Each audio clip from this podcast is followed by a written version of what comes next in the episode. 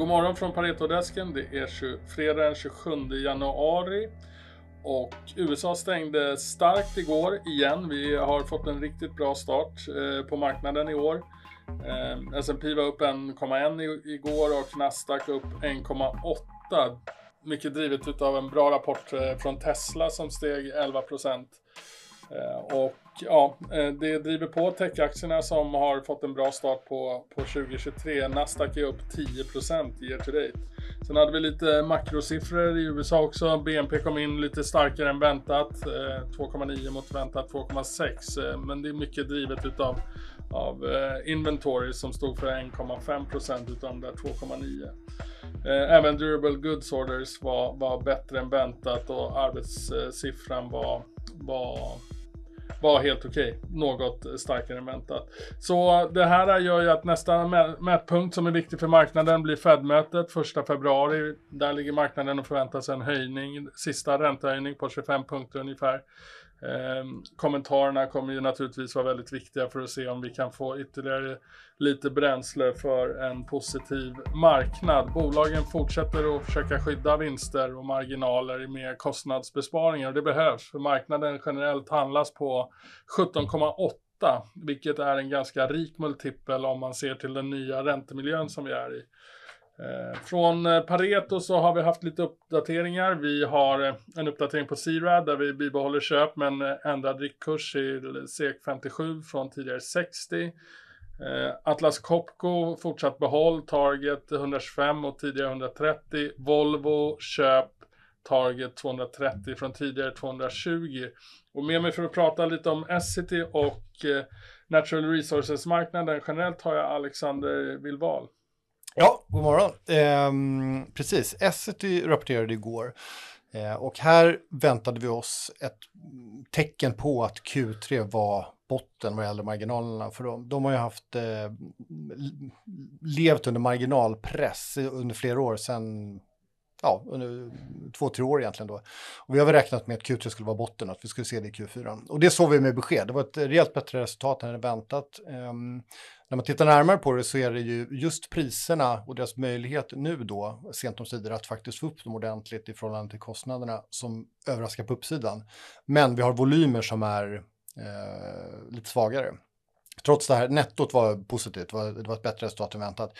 Men det vi kommer in i, in i 2023 då, det är helt enkelt lite svagare förutsättningar vad gäller volym men då bättre på marginal. Så att eh, summa summarum så leder det här till prognoser på justeringar. Så vi tycker att det fortfarande finns ett, ett bra case i Essity och det är, eh, vi återkommer lite till det, hur det ser ut på konjunkturen, men det är mm, givet så man skulle kalla det lite shaky kanske vad gäller makro och sådär, minst sagt, så är det här ett eh, lite defensivt val också, tycker vi. Där man har ett värderingsstöd och vi har resultat som stiger.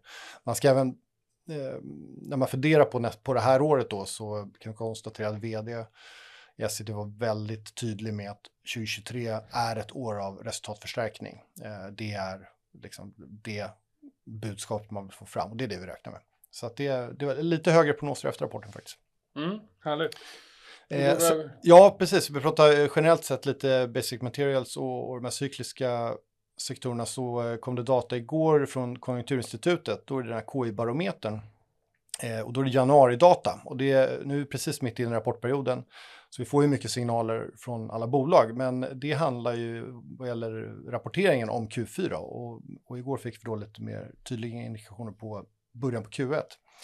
Och det vi kan konstatera väl om vi tittar till exempel på sågverk så det är fortsatt ner, alltså priserna eh, är fortsatt under press.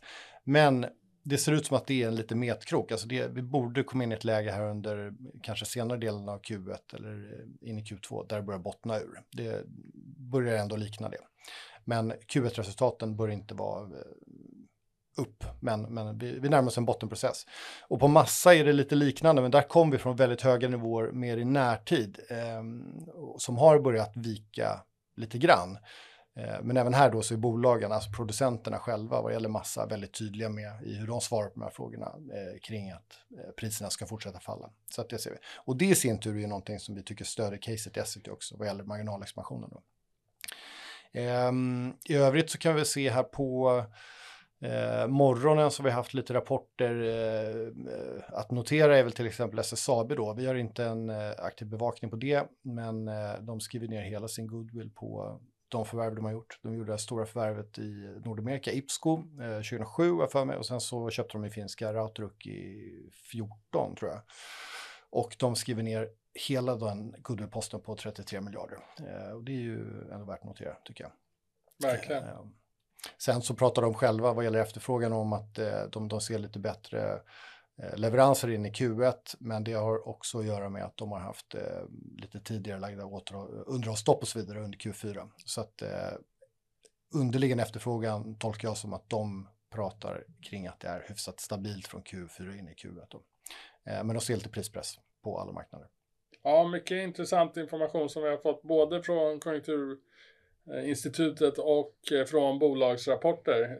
Marknaden står ju och, och väger lite skulle vi säga. Vi är över, positivt överraskade av den starka starten, men det finns en del orosmoln som vi behöver ta oss igenom helt klart. Ja, absolut. Och eh, eh om man går tillbaka till eh, Konjunkturinstitutet där och tittar mer på headline-siffrorna, de pratar ju om, de har ju en eh, konfidensindikator för näringslivet och så vidare. Den är, den är väl kring nollan, men lite ja, riktning neråt då.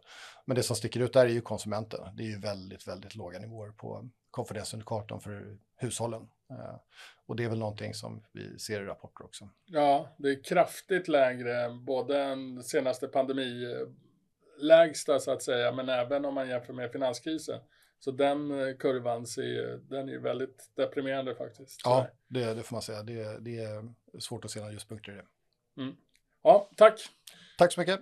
Ha en bra fredag och en trevlig helg så hörs vi igen på måndag.